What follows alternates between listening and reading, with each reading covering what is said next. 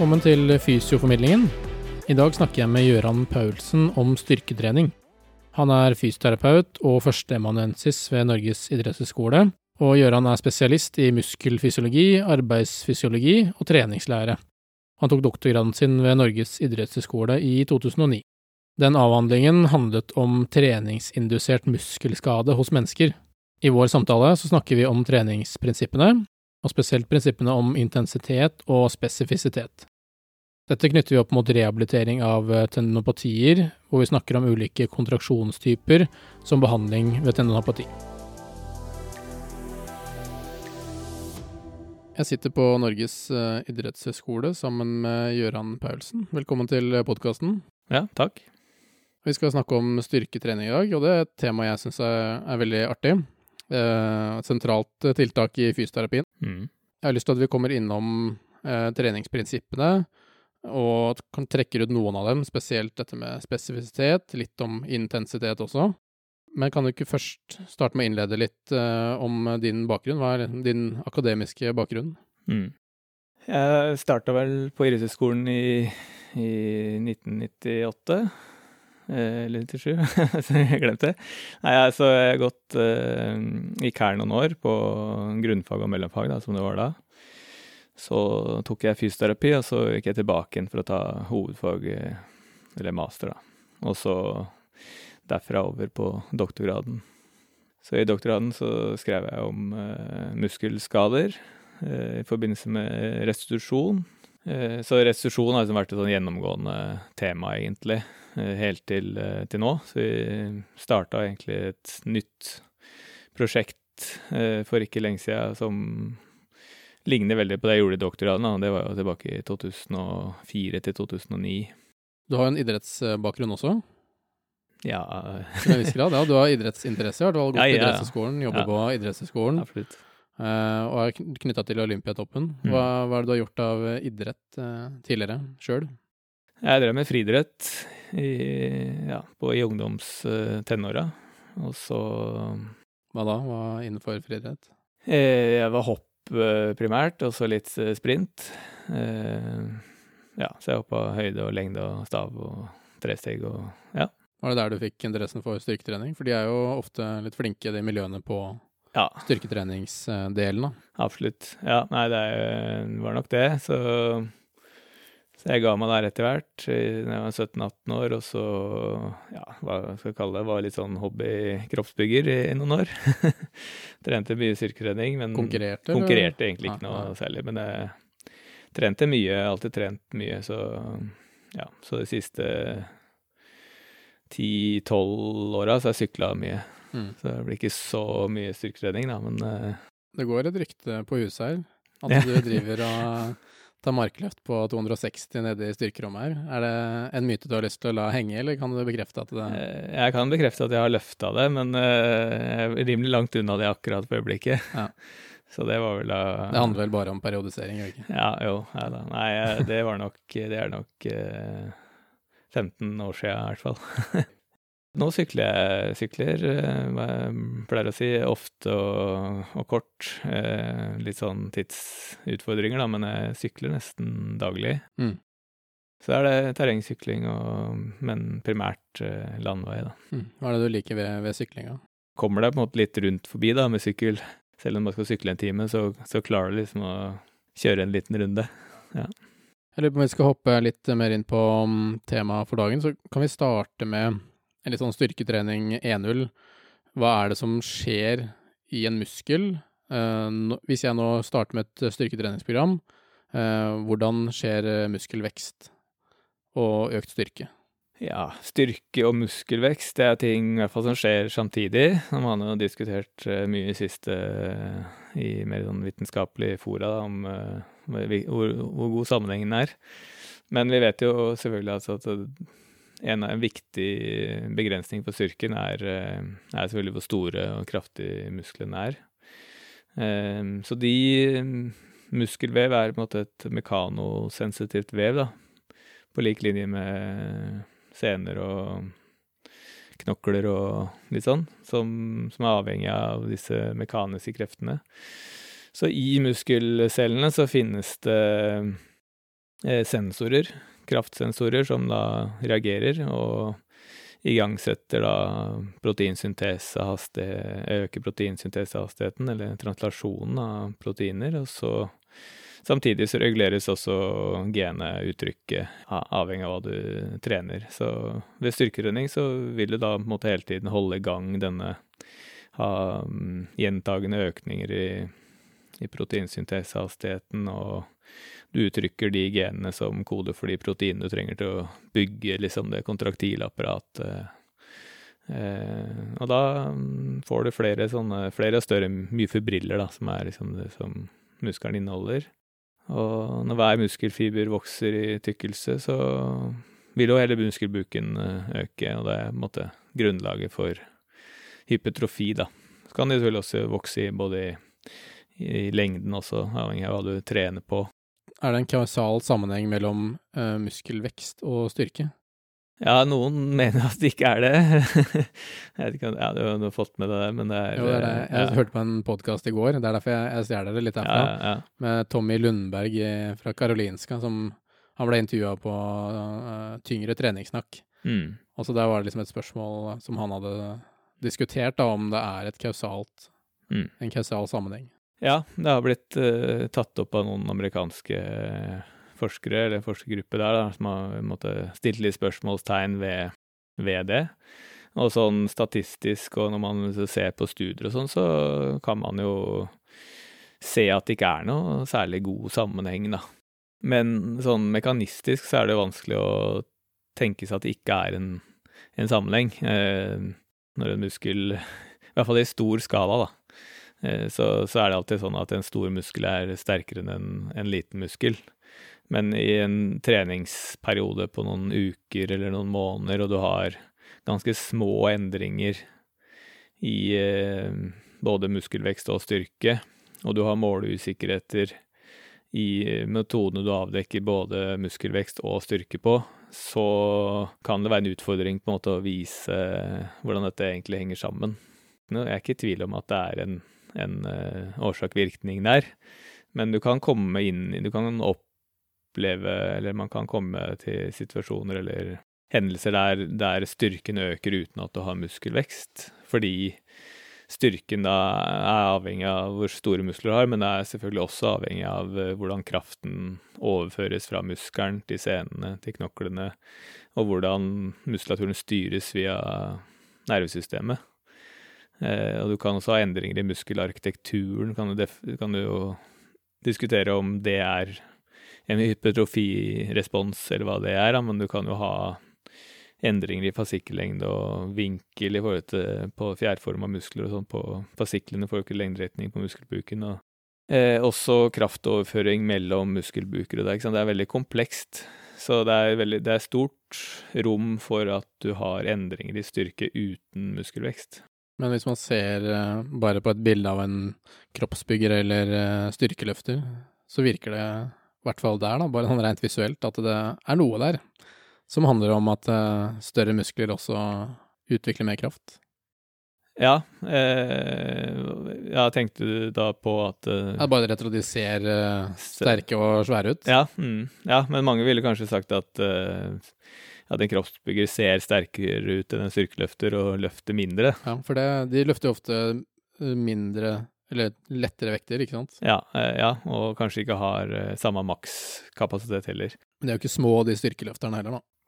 Nei, og det er liksom Og det er der det ligger. Altså at eh, styrkeløfter har jo ofte eh, utvikla den muskulaturen som er viktig for løftet, eller løftene, mens en kroppsbygger vil jo stort sett prøve å utvikle all muskulatur, og vil jo da kanskje se selvfølgelig mer muskuløs ut, og kanskje ha litt lavere fettprosent og litt sånn som gjør at uh, det blir annerledes, da. Men det er en grunn til at vi har vekt, vektklasser også. det, ja. På stor skala så er det liksom ikke noe tvil da, om at større muskler er gir mer kraft, men, men på liten skala eller innafor korte tidsrom, avhengig av måten du trener på, sånn, så, så, kan man se at styrke og muskelvekst ikke trenger å henge helt sammen. da.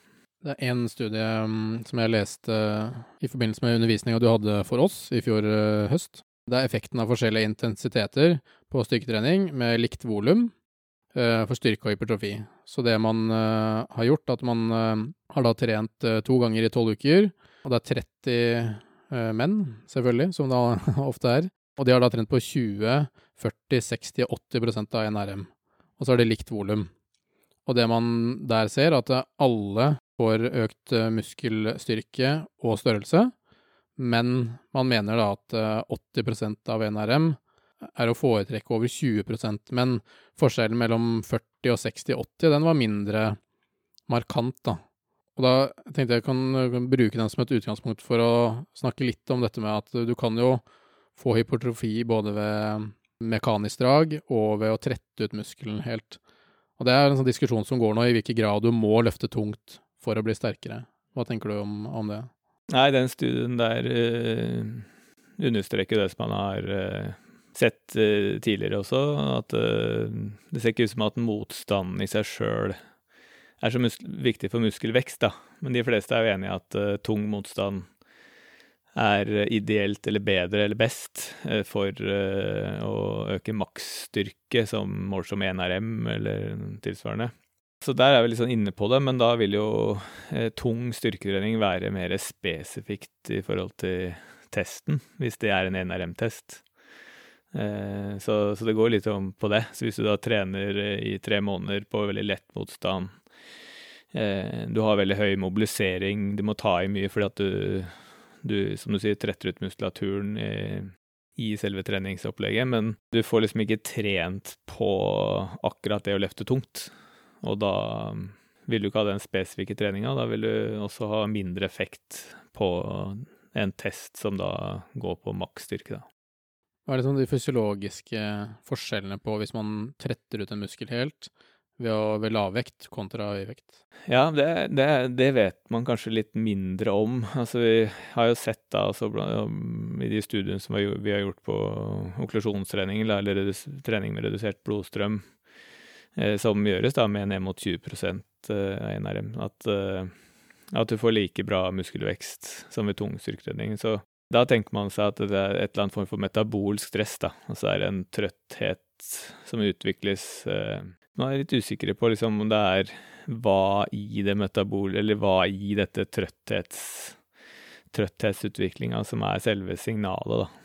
Og på det mekaniske sida så har man en, en del kandidater som, som jeg nevnte, som er kraftsensorer. Men så er det litt mer uklart på liksom Det kan være at det er mer mekanisk også, selv om du bruker lette vekter. Det som ser ut til å være viktig, er jo denne rekrutteringen. Og det er der liksom trøttheten kommer inn. Og så bruker du en lettvekt, og løfter den i et rolig tempo, eh, så vil du jo ikke rekruttere alle de motoriske enhetene i starten. Men etter hvert som du blir sliten, så må du rekruttere mer og mer. Eller flere og flere. Eh, og til slutt så, så har du full innsats.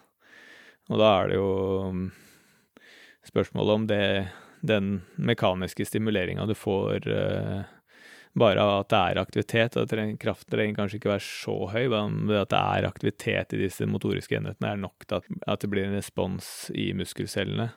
Men hvis man trekker det litt sånn inn i treningsplanlegging og hvordan man skal legge opp en styrkeøkt, så, så kan man jo si at hvis man kjører fem repetisjoner maks, at man er helt utretta etter fem, så vil på en måte alle de repetisjonene være gjeldende hvor du får effekt.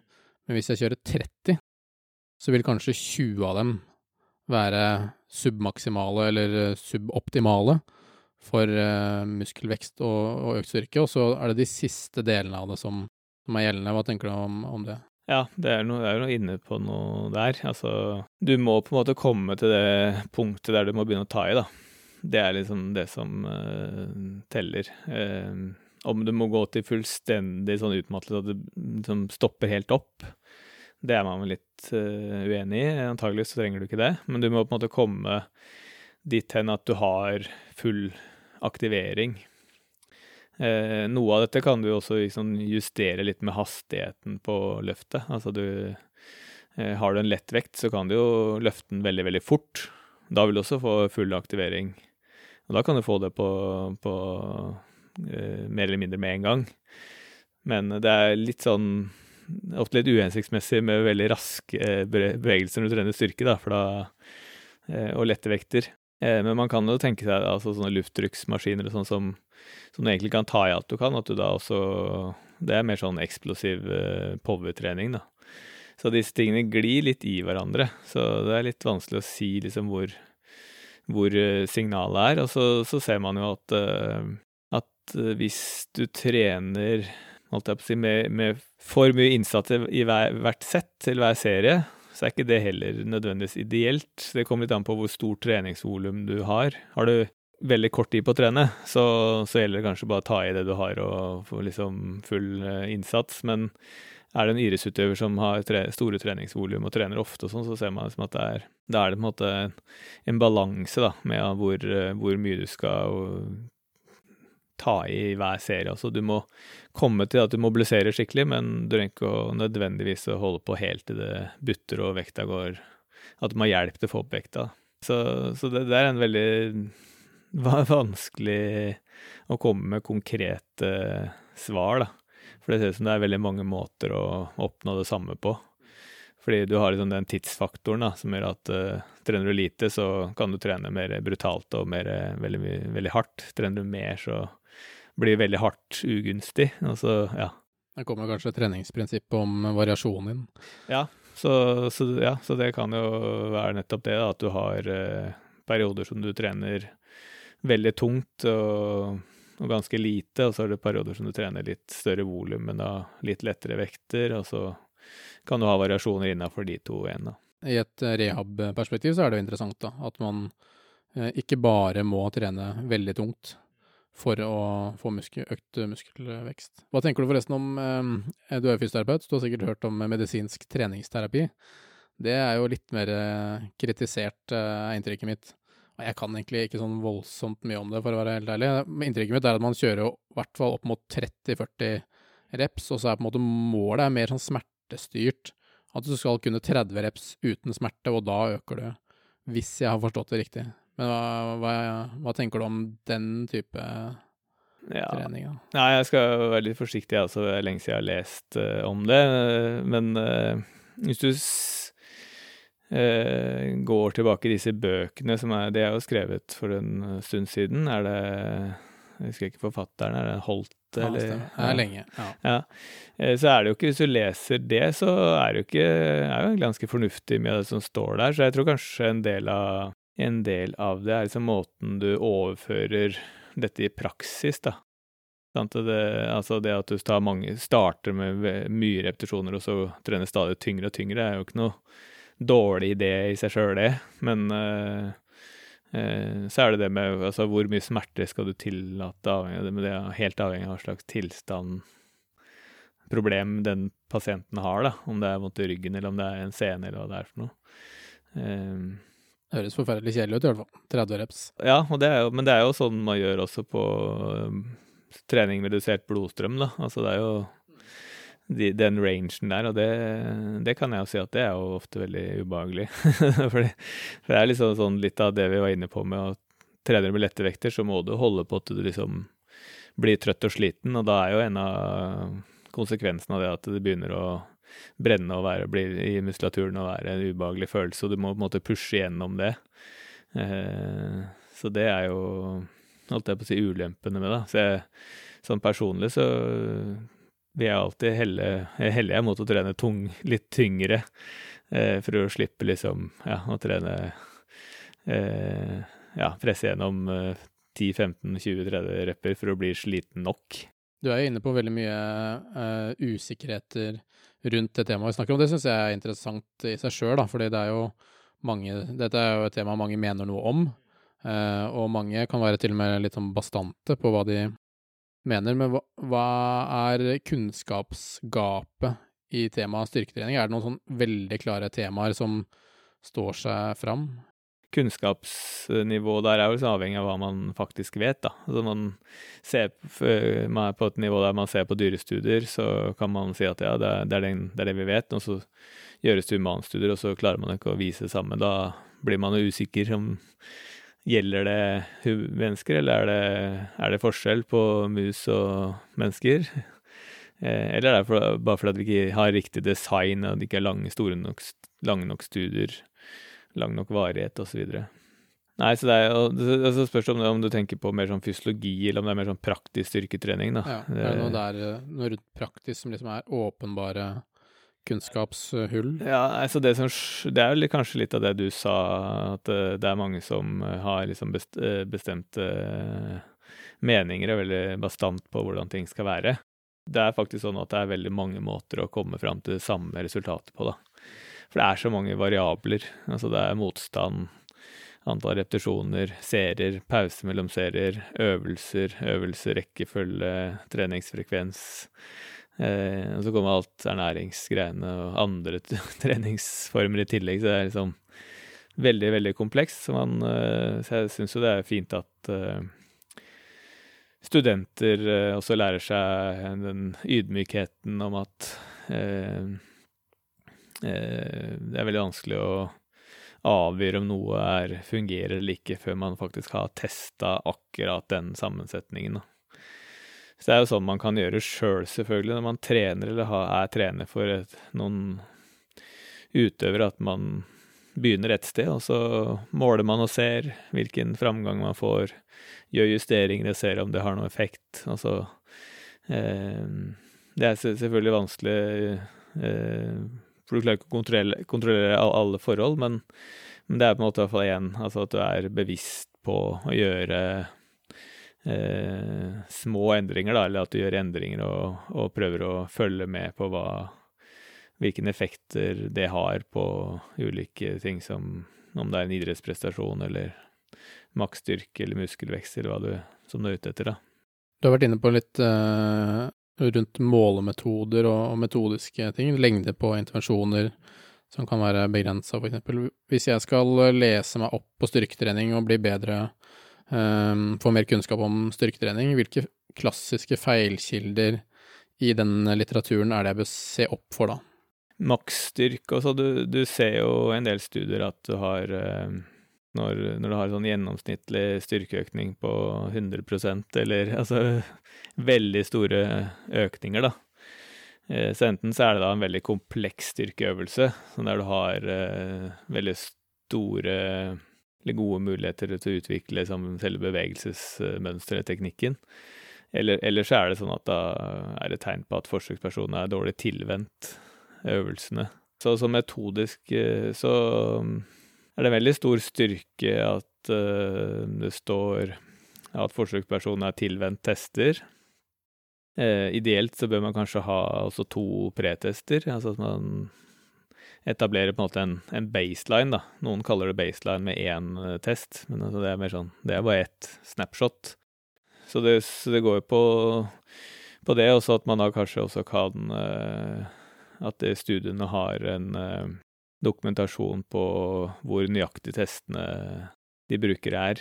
Altså det har en variasjonskoeffisient eller et eller annet sånt som mål på hvor reliable nøyaktige disse testene er, da. Så, så, det er på en måte kvalitetstegn, altså at du har uh, tilvenning, du har tall på nøyaktighet, du har kanskje flere pre- og posttester eller tester underveis som, som viser forløp, og selvfølgelig kontroll grupper. Har du ikke noen kontrollgruppe, så kan du på en måte ikke si Eller du skal være veldig forsiktig med å si noe om størrelsen på endringene. Det skal vi komme inn på litt senere også, med tenopati og, og Alfredsson. Men hva med målemetoder? Eh, bruk av MR, ultralyd, eh, testing av mm. 1RM. Og du har jo vært inne på at det, noe av effekten kan jo bare være en, at høyere, høyere, intensitet er mer testspesifikt. Ja, absolutt. Disse utfallsmålene og målemetodene, hva, hva er feilkilder der? Nei, det er jo feilkilder på absolutt eh, alt, og mange vil jo bli overraska over hvor mange feilkilder det er. Vi har pågående et prosjekt i, i Olympiatoppen som vi har prøvd å teste alle testene, da, og så se på hvor reliable de er, og da da kommer man jo ned på, på, også på instrumentene, altså en kraftplattform. Alle tenker at den er 100% det er i hvert fall nøyaktig du bruker det, men uh, det er jo ikke sånn på noen ting. Det er uh, måleusikkerheter, det er feil på utstyret. Så, ja, så man må på en måte ha rutiner og gjøre tester regelmessig, da.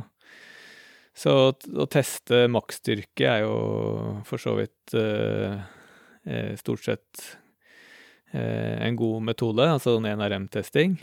Litt av utfordringen der er eh, nok at eh, forsøkspersoner altså, vet jo også mye hvor, hvor mye som er på, på stanga.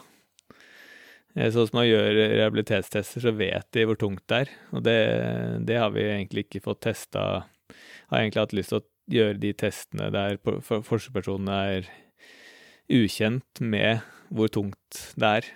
Fordi at hvis du vet at det er 100 eh, kilo, det har jeg pleid å klare før, eh, så vil det på en måte skape litt sånn forventninger til hva, om du skal klare de 100 kiloene, eller om, om, du er på en måte fornøyd med det, eller om du kanskje kunne klart 102,5, eller altså Det er mange sånne ting som Litt sånn psykologiske ting også.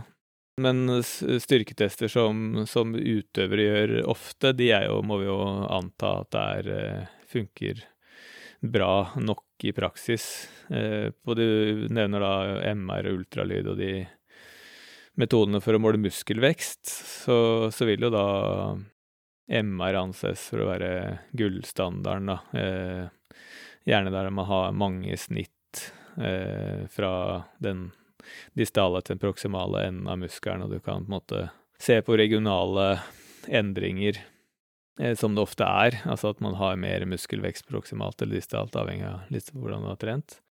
Ultralyd er jo en mye enklere metode som, eh, som går kjappere og ikke minst mye billigere. Eh, og der eh, er det mer manuelt, da. Eh, MR er selvfølgelig viktig at du blir posisjonert riktig og sånn. Når først alt ligger riktig, så, så kan du justere liksom selve hvor du går inn og måler og sånn med gans, ganske bra nøyaktighet. Med ultralyd så er det litt uh, håndverk i forhold til hvor hardt du trykker med proben, hvor vinkler du har og sånn, uh, så det Der vil nok måleusikkerheten og nøyaktigheten være ganske dårlig hvis du uh, ikke driver med sånne målinger regelmessig det, det, er et håndverk. Sant? Man må passe, passe, på å bruke folk som er uh, godt kjent med det. Jeg lurer på om vi skal trekke det litt ut igjen helt til treningsprinsippene. Hvis jeg tar utgangspunkt i styrketrening i teori og praksis, den boka uh, som blant annet uh, Truls Råstad har vært med å skrive, eller har skrevet, sammen med flere, så, så har de noen prinsipper, og det er progresjon og intensitet, kontinuitet og reversibilitet, spesifisitet, som jeg ønsker at vi går inn på, variasjon og periodisering, at treninga er individuelt tilpassa, og kontinuitet, eh, og at man unngår, eh, unngår, skade. Men det jeg lurer på, er den helt overordna treningsprinsippene vi bruker.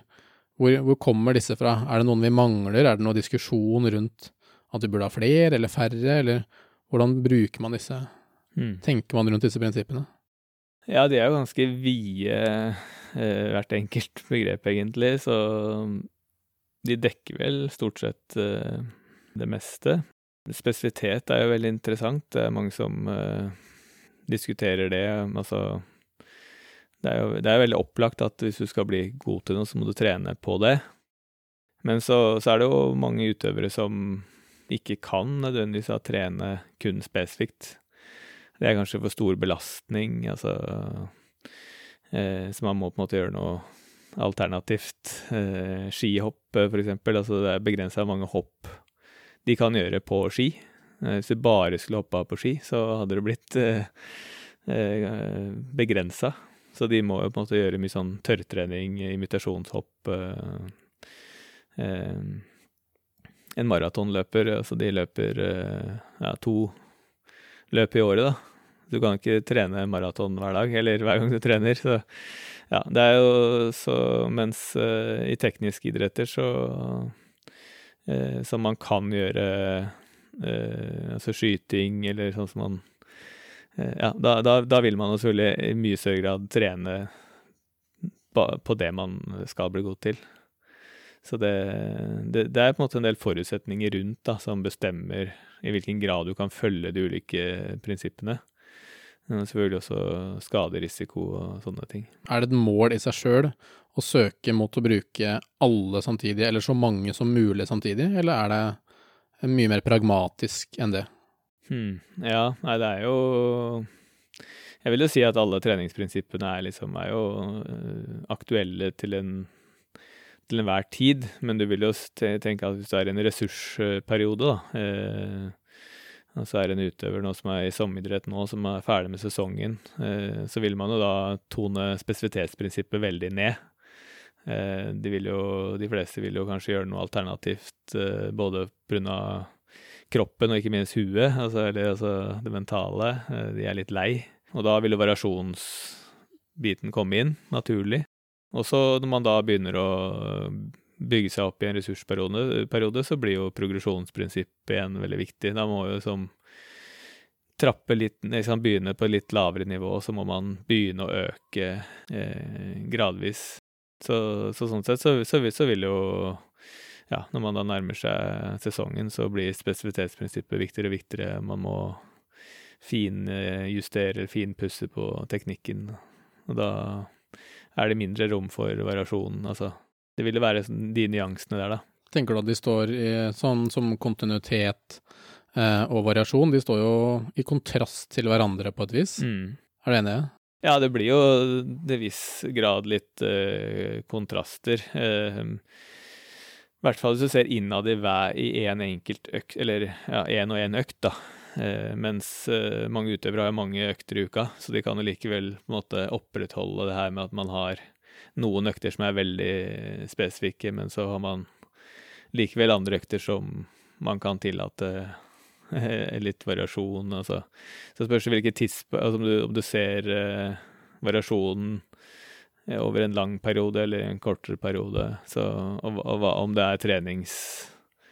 Om det er øver, altså bevegelsesmønster, eller om det er variasjon i intensitet, mengde. Altså det er mange måter å bruke disse prinsippene, da.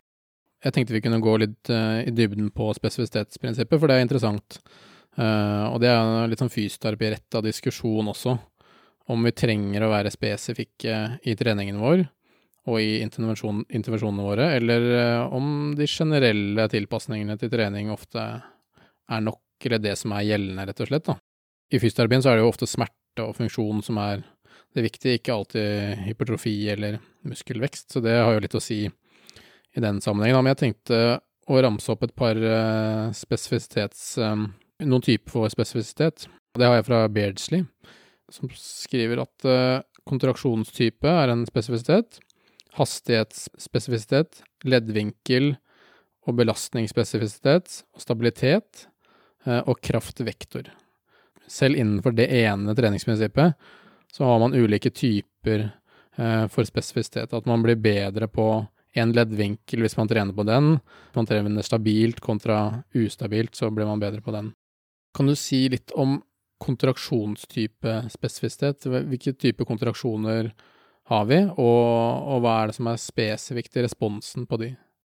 Ja, du har jo isometrisk, da. da. Da skal jo på en måte muskelen stå i samme lengde hele tiden. Og konsentrisk, da har du en forkortning eksentrisk, så er det en forlengning. Og så kan du si at du har eh, plyometrisk, altså at man har liksom det som går på direkte overgang fra eksentrisk til konsentrisk. Eh, om man skal kalle det en egen kontraksjonsform eller ikke, det kan man jo diskutere. Men, eh, men de, disse eh, kontraksjonsformene, de vil jo da være Ha et litt sånn spesifikt uh, nevralt uh, aktiveringsmønster. Så, så, det er jo klassiske studier som viser at du trener du kun konsentrisk, eller kun eksentrisk eller kun isometrisk, så får du på en måte en tilpasning som er størst i den måten du har trent på. Så gjør du eksentrisk trening for å bli sterkere i NRM, så kan det være at du blir litt skuffa. Eh, fordi du vil jo først og fremst bli sterkere eksentrisk når du trener på det. Men så vil jo da det de fleste ville gjort Man ville gjort eksentrisk trening fordi eh, eksentrisk trening da gir en veldig kraftig mekanisk stimulering av muskelen som bygger opp muskelen, eh, gir hypotrofi og den responsen som du da kan igjen utnytte i den konsentriske fasen eller et NRM løft, da. Det er sånn de fleste tenker. Så er jo spørsmålet om, om eksentrisk trening er noe bedre enn vanlig vanlig eksentrisk konsentrisk, eller at du faktisk skal kun trene konsentrisk. Det er også litt uklart. For hvis eksentrisk trening gir Man sier at det gir mer muskelvekst enn konsentrisk. Ja. Uh, hvorfor ser vi ikke alle på Sats eller Fresh Fitness bare drive med eksentrisk trening hele tiden? Ja. Nei, ja, det, det, er jo mange som mener det. Jeg, jeg, mener jo at det er ikke sånn veldig god dokumentasjon for det. Eller spørs liksom hvordan du tester den. Det er liksom metodisk. Altså for å gjøre det eksentrisk trening, så vet vi at du kan gjøre relativt lite og på en måte få ganske mye igjen for det. Men hvis du gjør mer, så blir ikke det noe bedre, for da ender du opp med skader. Det er jo de, nettopp de studiene som vi gjorde, ikke sant, med ja, Vi hadde 300 eksentriske kontraksjoner på låret og 70 på armen, altså, men vi ser at uh, andre studier viser jo at uh, ned til en, bare noen få eksentriske kontraksjoner er jo nok til å gi uh, måte, skader i muskelen hvis en ikke er vant til det. Jo mer blir liksom ikke noe, noe bedre, men på en konsentrisk side, alt jeg på eller konsentriske kontraksjoner, så eh, vil du ikke få sam, like god respons på, på lavt volum. Da må du på en måte kompensere med, med, med, mer. Og du vil også da få bedre respons eh, med ganske stort volum, da. Du vil jo også der på et eller annet tidspunkt trene for mye, men der tåler du mye mer. og så vil det isometrisk kanskje være noe midt imellom, da. Eh, så det spørs på hvilket grunnlag du sammenligner det. Så hvis du sammenligner ti eksentriske kontraksjoner mot ti konsentriske, eh, maksimal innsats på begge, så vil kanskje da det eksentriske være best. Men hvis du da sier at ti eksentriske kontraksjoner er det som er optimalt, eh, mens eh, på mens så trenger du 30 konsentriske da, for å få optimalt, så, så får du det samme resultatet. da. Og så er jo ikke livet vårt eksentrisk, det er både konsentrisk og eksentrisk i nesten all funksjon. Ja, så, da, så der kommer det prinsippet veldig tydelig fra med rehab i hvert fall, da. Ja. På et eller annet stadium så må man kjøre en mer dynamisk bevegelse man kan selvfølgelig manipulere og gjøre, gjøre litt sånne eh, spesielle treningsmetoder, da, men man må jo på en måte sette det sammen til noe som, som blir spesifikt i forhold til målsettinga di etter hvert. Eh, det er vel kanskje der eh, man kan se at noen treningsprogram eh, ikke er ideelle, da, fordi du kommer aldri til det steget, eller tar liksom ikke den den siste biten der du setter det sammen og, og begynner å trene på det du faktisk skal uh, bli god på. Hva er grunnen til at man bruker mindre energi ved eksentrisk trening, selv om man utvikler mer kraft enn ved konsentrisk? Det, det går jo liksom på hvordan det kontraktile apparatet fungerer, da. Når du gjør eh, kontraksjoner og du har aktivitet mellom aktin og myosin, så bruker du på en måte et ATP-molekyl hver gang en sånn krysspro har en eh, Myosin-hodet har en interaksjon med aktin. Under en eksentrisk kontraksjon så, så, ser man jo for seg at noen av disse forbindelsene brytes uten at du bruker ATP, og at da energiomsetningen blir ganske lav. Så det er sånne klassiske studier eh, fra 50-tallet når du kobla sammen eh, to sykler med ett eh, kjede.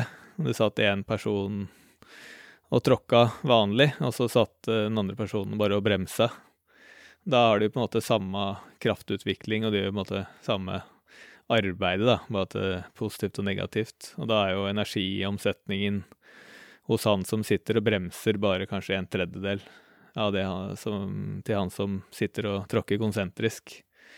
Eh, så det er på en måte den derre bremsebevegelsen, den, den krever rett og slett mindre Eh, energiomsetning, da. Du bruker kanskje noe elastiske egenskaper i systemet og sånn som, som, gir den kraften, men uh, da med veldig lite behov for liksom, kjemisk energi, da. Jeg husker jeg var i en praksis. Det var en sånn dagrehabilitering. Det var mye eldre som kom for rehabilitering. Og da hadde vi en sånn eksentrisk uh, sykkel hvor man skulle liksom holde igjen. Uh, men det var, det var, ikke så veldig effektivt, for det endte vel bare med at beina bare ble ført rundt uten at den brukte så mye kraft. da. Så mm. det er litt sånn hvordan man bruker det mest, da. Men det gikk litt mot sin hensikt, akkurat ja, den sykkelen der. Nettopp, ja. Nei, det, du var veldig populær, akkurat den sykkelen. Ja, det var det du slapp å gjøre noe. Ja, jeg har faktisk eh, hatt eksentrisk sykkel på Olympiatoppen og brukt det, gjort et prosjekt også på det med, med syklister, da. Og vi fant uh, noe Vi sammenligna det med vanlig sykling med lav frekvens, eller sykling med eksentrisk eller baklengs, da, med lav frekvens. Viss, uh, viss tendens til musk mer muskelvekst uh, eksentrisk enn konsentrisk, men da, da basert på samme opplevde anstrengelse, men samme arbeidstid. men den eksentriske treninga hadde da veldig liten effekt på sykkelprestasjon, da. Det hadde den. Eh, mens andre har jo sett at eh, eksentrisk sykling eh, kan være en, en fin måte, blant, blant, annet på eldre, men da for å bygge muskler. Og eksentrisk styrke er også relevant for eldre i forhold til å gå ned trapper og den type ting, da. Eh, så det ligger noe i det, men det, er klart at den, den treninga må gjøres eh, på en god måte. Og da må du jo påføre noe kraft, da. Du kan ikke bare sitte og la beina gå baklengs. Eh. Og det er også gjort en del studier faktisk da på korsbåndsopererte og sånt, noe med baklengssykling. I idrettssammenheng, er alpinister og sånn som har hatt effekt av det. Og det har jo fått veldig stor plass i rehabilitering, spesielt av tendinopatier, som jeg tenkte vi kan skli litt over på, og knyttet opp mot det. Hva er bakgrunnen for at eksentrisk trening har fått et godt rykte på seg? Ja, det Nå har ikke jeg jobba så mye klinisk, eh, så jeg har ikke så mye erfaring med liksom, bruk av det i klinikken, da. Men det er vel liksom Alfredsson som uh, sin akillesopplegg, da, som uh, det ikke husker feil, var vel han hadde vel noen problemer med akillesen sjøl, som endte opp med at han uh, testa ut litt uh, og fant ut at det funka. Og så har man jo i seinere år, kanskje spesielt med de danske forskningsgruppene med eh, Henning Langberg og Michael Kær, Peter Magnusson og sånn, som da har kommet fram til at det er kanskje ikke kontraksjonsformen i seg sjøl som har så mye å si for hvordan du påvirker en scene. Det er en måte mer de mekaniske kreftene du påfører. Men der er jo eksentrisk trening bedre enn konsentrisk eh, kan være, for du utvikler mye kraft. Ofte mer enn ved eksentrisk. Ja. Hva er forskjellen på adaptasjonen på scener mm. ved eksentrisk kontra konsentrisk? Ja, altså, men litt av utfordringen er jo liksom at Eller det du kan stille spørsmålstegn ved, er jo liksom den Alfredsons-modellen at uh, mange gjør vel den uten at de egentlig tar i så mye, da. Altså det er jo eksentrisk, men det er ikke så stor kraftutvikling. Så sånn sett så er det ikke sikkert det gir noe bedre effekt enn konsentrisk trening, da. Men så har man noen, noen andre faktorer i forbindelse med smerte, som du nevnte. Altså det, det, er en, det, er jo en, forskjell eh, på for muskelen å jobbe som brems og motor. Det er jo en del nevrale ting som foregår også, som gjør at uh, man kan jo tenke seg at man påfører den nødvendige kraften til scenen på en mer eller mindre smertefull måte, eksentrisk enn konsentrisk. Det kan være en, eh, et argument da, for å bruke eksentrisk. Og så har man da et større kraftpotensial da, som er inne på eksentrisk enn konsentrisk. sånn at du, du kan i teorien da, med lavere energiomsetning da, eh, påføre de scenene den, eh, denne, de mekaniske kreftene som stimulerer, som da taler for eksentrisk. For den har ikke klart å bli reprodusert, den Alfredsson-studien. Det er jo ganske bastant eh, oppsummering på den, da, hvor man har en 100 ja. Eh, forbedring av alle deltakere. Ja.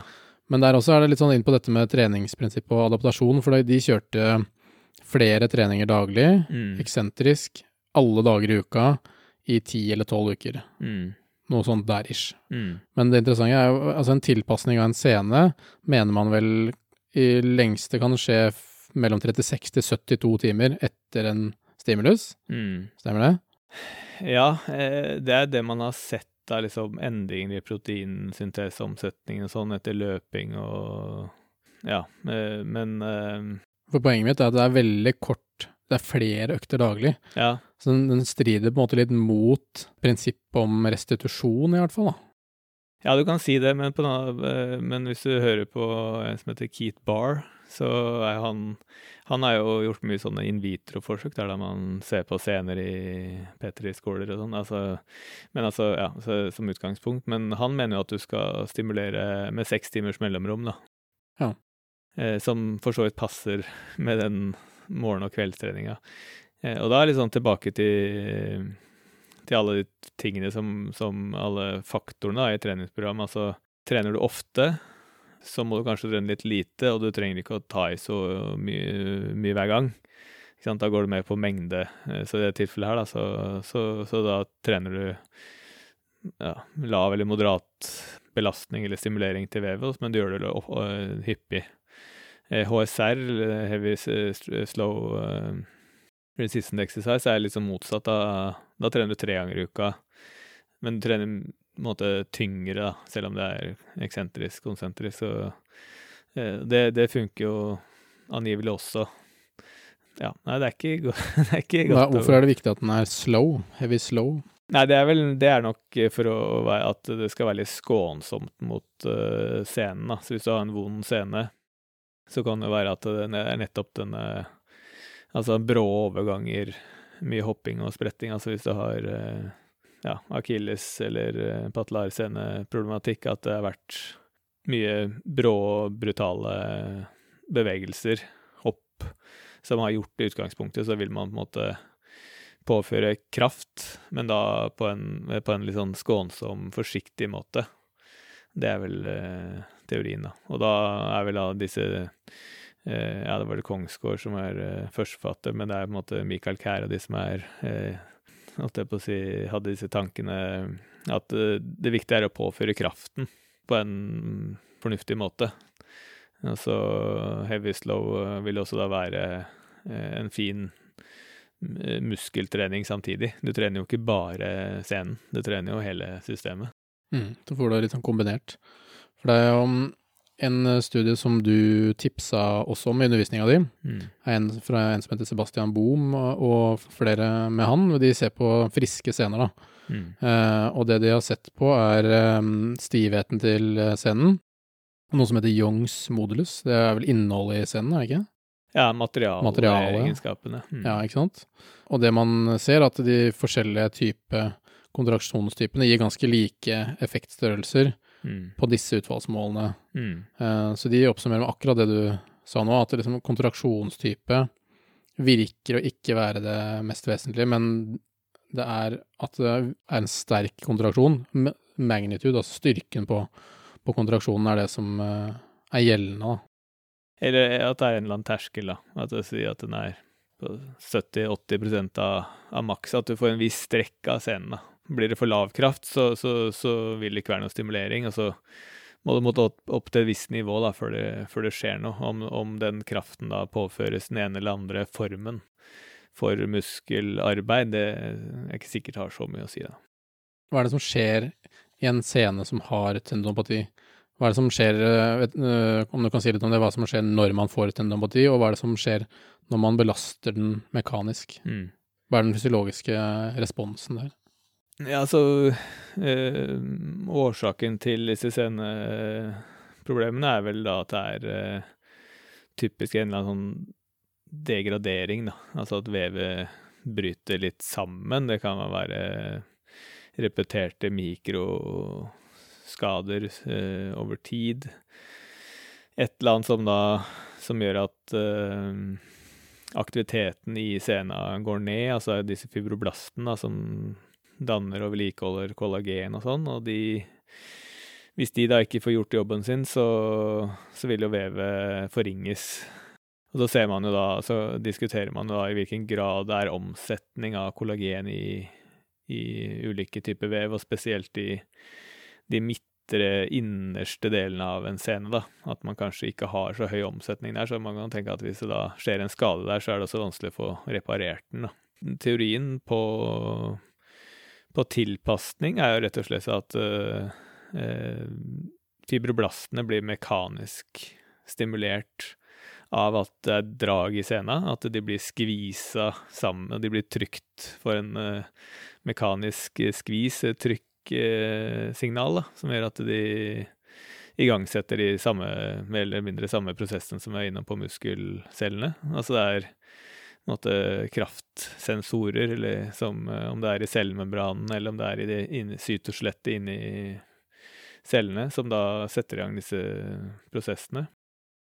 Og så har man jo da diskutert i hvilken grad eh, betennelse og inflammasjon er en del av en seneproblematikk. Om det er at man kan få én type betennelse én gang, som kanskje igangsetter denne prosessen, men så kanskje den betennelsesreaksjonen avtar, og så sitter man igjen bare med et sånn vev som brytes gradvis ned, da, eller forringes. Eller at man har repeterte inflammasjonsprosesser uten at ja, man klarer liksom Det er vanskelig å fange opp det i studier også.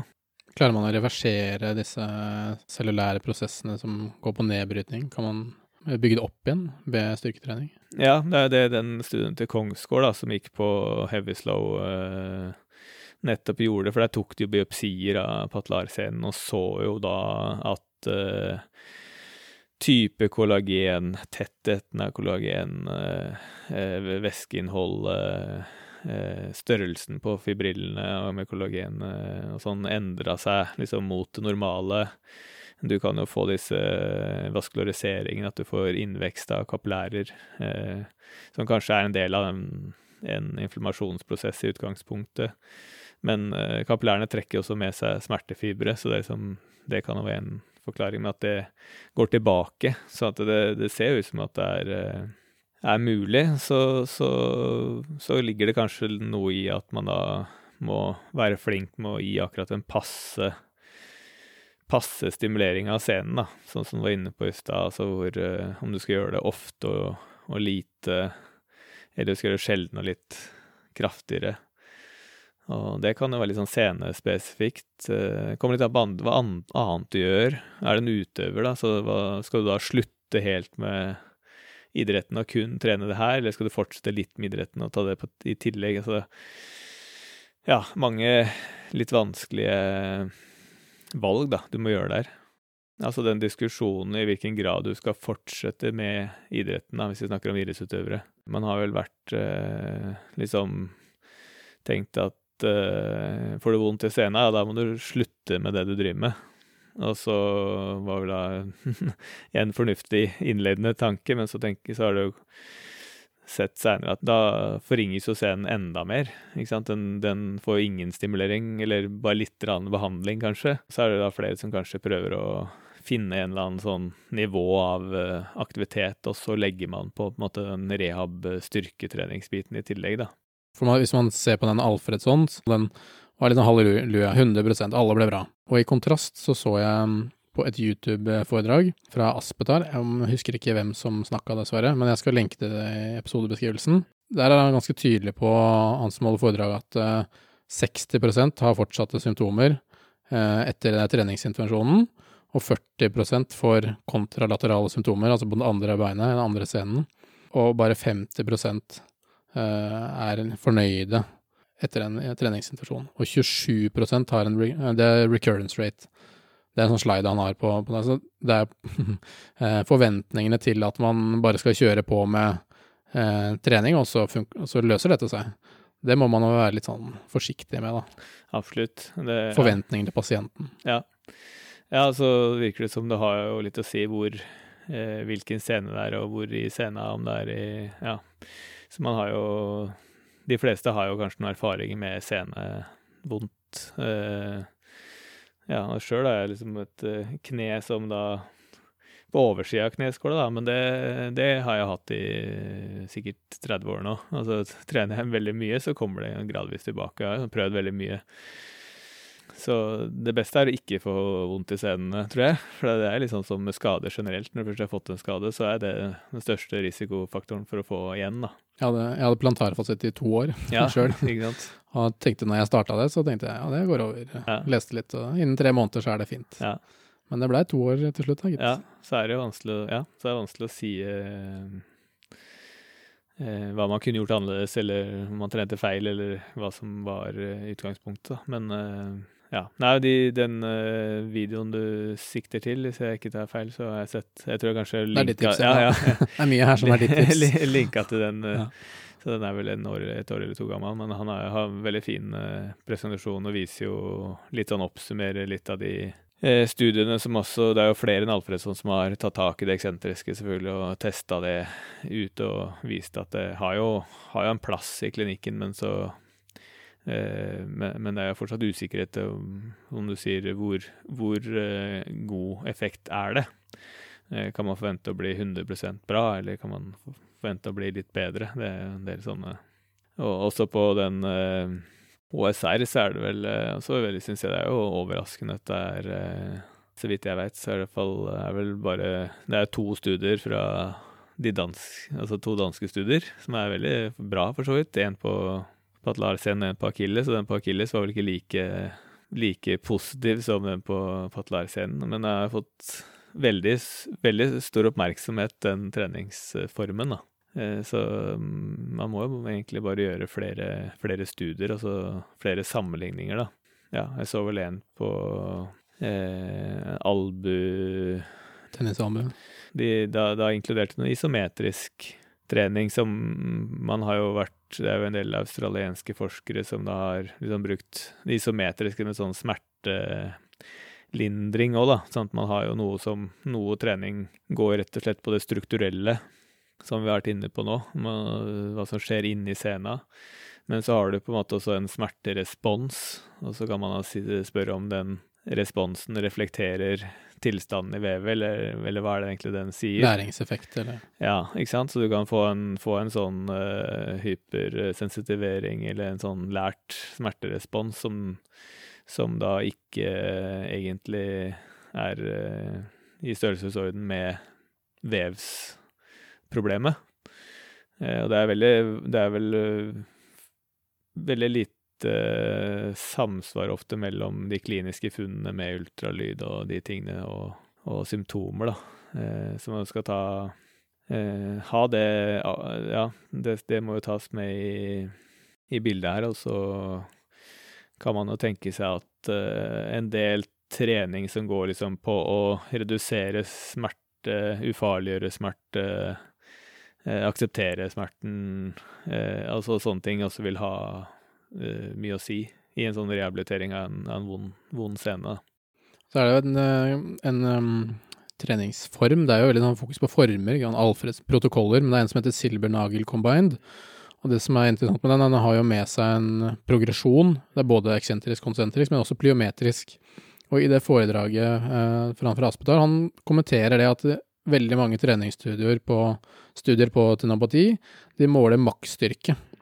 Men veldig få har med dette med plyometrisk eh, og andre type bevegelser som faktisk er de idrettsspesifikke. Så hvilken rolle har på en måte plyometrisk trening å si i en rehab-prosess? Hva tenker du der? Ja, det, det, tenker jeg er kjempeviktig. Og det er litt sånn som at man da tenker spesifikt i forhold til idretten. Jeg tror det er en veldig fin modell eh, det hun, hun har lagd der, da, med at man har man, som, man har, en, har, en, progresjon, og, og den pliometriske som vi var inne på, det kan jo kanskje kalle det nesten som en egen kontraksjonsform, da. At det, det må jo med. Eh, om, om, det, om, det, er det som gjør veldig vondt og veldig ubehagelig, så kanskje selvfølgelig trappe det ned i starten, men så må det inn igjen etter hvert, da, ikke sant. Og, og utfallet på en eh, behandling vil også være mer relevant å teste sånne type ja, spenst-tester eller løp, sprint, alt som er funksjonelt, enn en NRM-test, eh, som er kanskje helt ubetydelig, eller ikke viktig i det hele tatt for den idretten det er snakk om, om det er ballspill eller ja. Der kan man jo kanskje se disse tallene som, hvor man ikke så, har så god effekt. Nå syns jeg bare, da, men hvis man eh, forventer at man skal tilbake til en idrett, og så har man egentlig bare kjørt eksentrisk alene, så er man veldig smalt og kanskje veldig lite idrettsspesifikt. Hvis du driver med hopp eller eh, volleyball eller hva det måtte være, så er det ikke så rart om det ikke har kjempeeffekt hvis du aldri har hatt en del av plyometrisk inn i rehab-prosessen. Jeg tror de fleste vil tenke at det høres jo fornuftig ut å måtte bygge stein på stein her. Altså, du går mange skritt tilbake for å, for å få kanskje stoppe den degra degraderingen av scenen og liksom komme i gang med en, en uh, regenerering av vevet. Men så må du jo på en måte legge på selvfølgelig øvelser som ligner, og utfordre til slutt uh, den type muskelkontraksjoner og bevegelser som idretten krever. Men der så har man jo også kanskje litt utfordringer med tester som er gode til å avdekke om du på en måte er klar for å drive idretten igjen, da. Det har vært mye, mye snakk om det, altså om det er Om du skal sammenligne med det andre beinet, eller om du skal Ja, men, men ofte så blir du jo detrent i en skadeperiode, så det er, sånn, det er ikke et godt mål i seg sjøl alltid. Eh, så i Olympiatoppen så har vi hatt noen sånne screening-runder der du på en måte eh, går, utøverne går gjennom tester eh, som er aktuelle også i en rehabiliteringsfase, for du har noe å sammenligne med, da.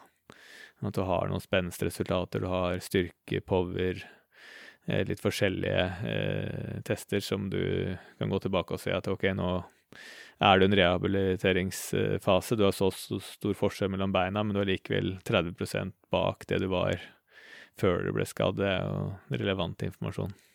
Om man har noen normative data og I tillegg, ja. I tillegg ja. eventuelt, da. Mm. Men det beste er selvfølgelig å ha individuelle data, så du kan Så vi har jo ja, spenst, og vi har en sånn beinpressmaskin blant annet, som er veldig kjapt å gjøre. Du kan gjøre det ofte ukentlig hvis du vil, uten at det blir at det er stor belastning. Det er sånne ting som kan være gunstig da, å ha.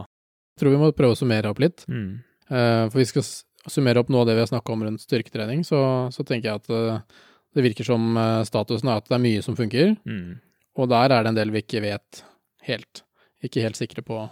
Ja, man må liksom ta inn over seg at det er så mange variabler å spille på at det, det finnes på en måte ikke noe sånn fasit på hva som er eh, det beste. Man må bruke treningsprinsippene og ja, begynne å tenke at det er alltid bedre å trene litt, litt, for lite enn litt for mye.